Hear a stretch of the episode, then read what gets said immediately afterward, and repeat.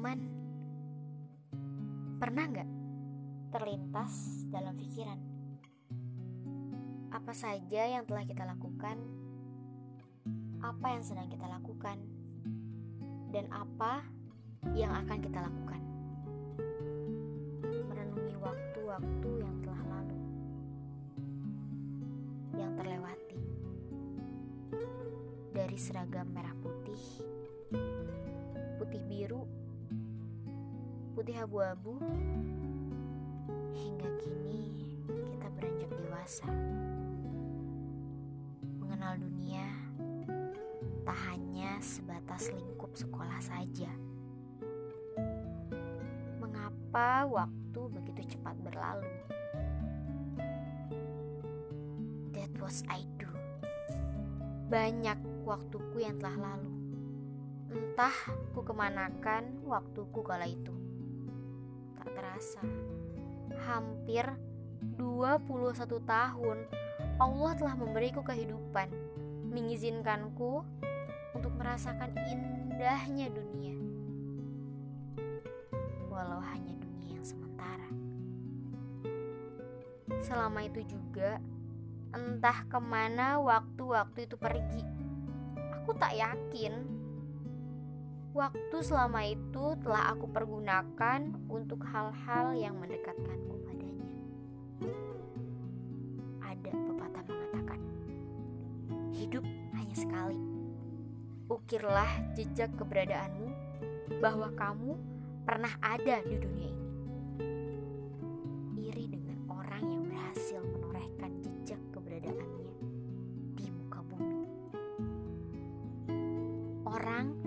Yang sudah meninggalkan dunia ini, tetapi namanya masih saja terus terkenang populer hingga saat ini. Pernahkah kita tahu? Atau bahkan kita hanya sibuk dengan rutinitas yang setiap hari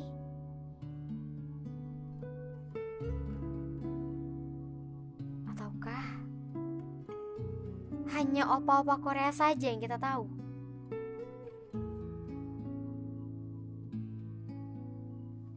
Oke, kita akan mencari tahu. Sebut saja Alkonsa. Nama lengkapnya adalah Tamadur binti Amru bin Al-Haris bin Ashi Syaridlo. Ia dilahirkan pada zaman Zahiliyah dan tumbuh besar di tengah suku bangsa Arab mulia, yaitu Bani Mudar. Seorang wanita cerdas yang terkenal dengan syairnya. Semua orang mengetahui kedudukan dan keahliannya yang luar biasa dalam berpuisi. Bahkan, semua sastrawan sepakat bahwa tidak ada wanita yang memiliki kekuatan puisi yang lebih hebat dari Alfonsa, baik di masa lalu maupun masa berikutnya. Masa jahiliyah membuat manusia yang hidup tanpa iman ibarat bulu yang melayang oleh hembusan angin. Ia tidak pernah tetap tenang, melainkan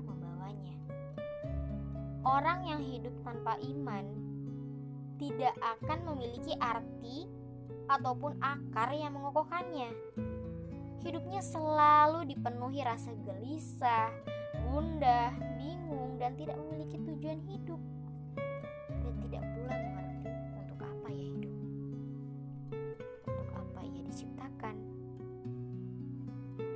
Itu pula yang dirasakan Al-Khonsah masa jahiliyah. Maka, karya yang diciptakannya pada masa jahiliyah banyak berisi tentang syair ratapan terhadap orang yang telah meninggal. Beberapa syair terlantun dari lisan beliau di saat kematian saudaranya, Syakr, di masa jahiliyah meratap dengan ratapan yang menyedihkan. ia melantunkan bait demi bait meratapi kematian saudaranya. Hari demi hari dilalui Al-Khansa dengan ratapan kesedihan yang mendalam.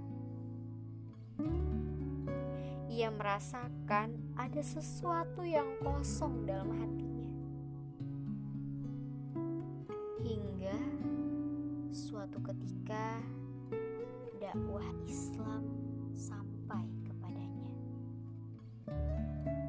Seketika itu pula beliau memutuskan untuk hijrah. Minat zulumati ilan nur dari kegelapan menuju cahaya. Beliau mendatangi Rasulullah Shallallahu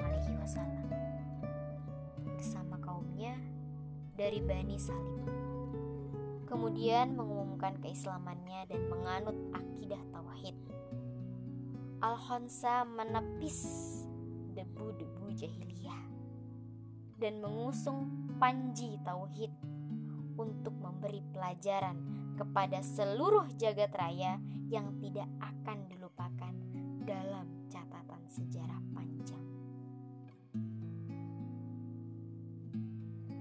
Penyesalan sangat meliputi hati bangsa. Mengingat masa jahiliyahnya dulu. Ia ditegur oleh Umar bin Khattab. Umar bertanya kepada Khansa, "Mengapa matamu bengkak-bengkak?"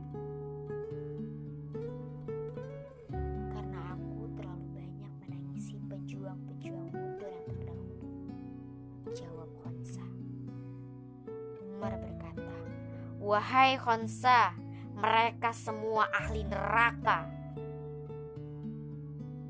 Justru itulah yang membuatku lebih kecewa dan sedih lagi. Dahulu aku menangisi Syakir atas kehidupannya. Sekarang aku menangisinya karena ia ahli neraka.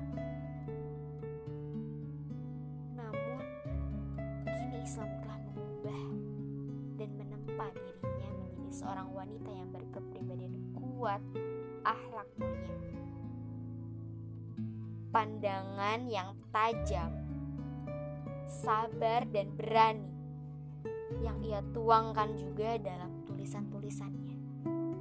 Di samping keahliannya dalam syair, Hansa juga menjadi muslimah yang memiliki semangat juang yang tinggi dalam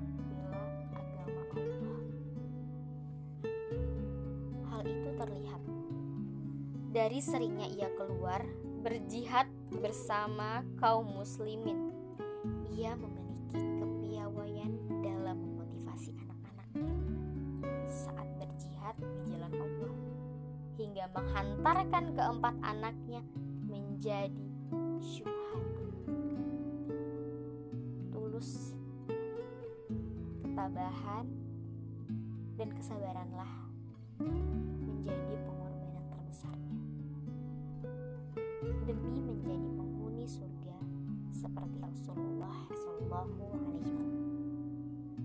Siapa yang merelakan tiga orang putra kandungnya meninggal dunia, maka dia akan masuk surga. Seorang wanita bertanya, "Bagaimana jika hanya dua putra?" Rasulullah Shallallahu Alaihi Wasallam menjawab, Begitupun juga dua putra. Dan kini beliau lebih terkenal dengan sebutan Ummu Syuhada. Segala sesuatu yang memiliki titik permulaan akan berakhir. Namun, sungguh, sungguh indah ketika kehidupan seseorang berakhir pada satu titik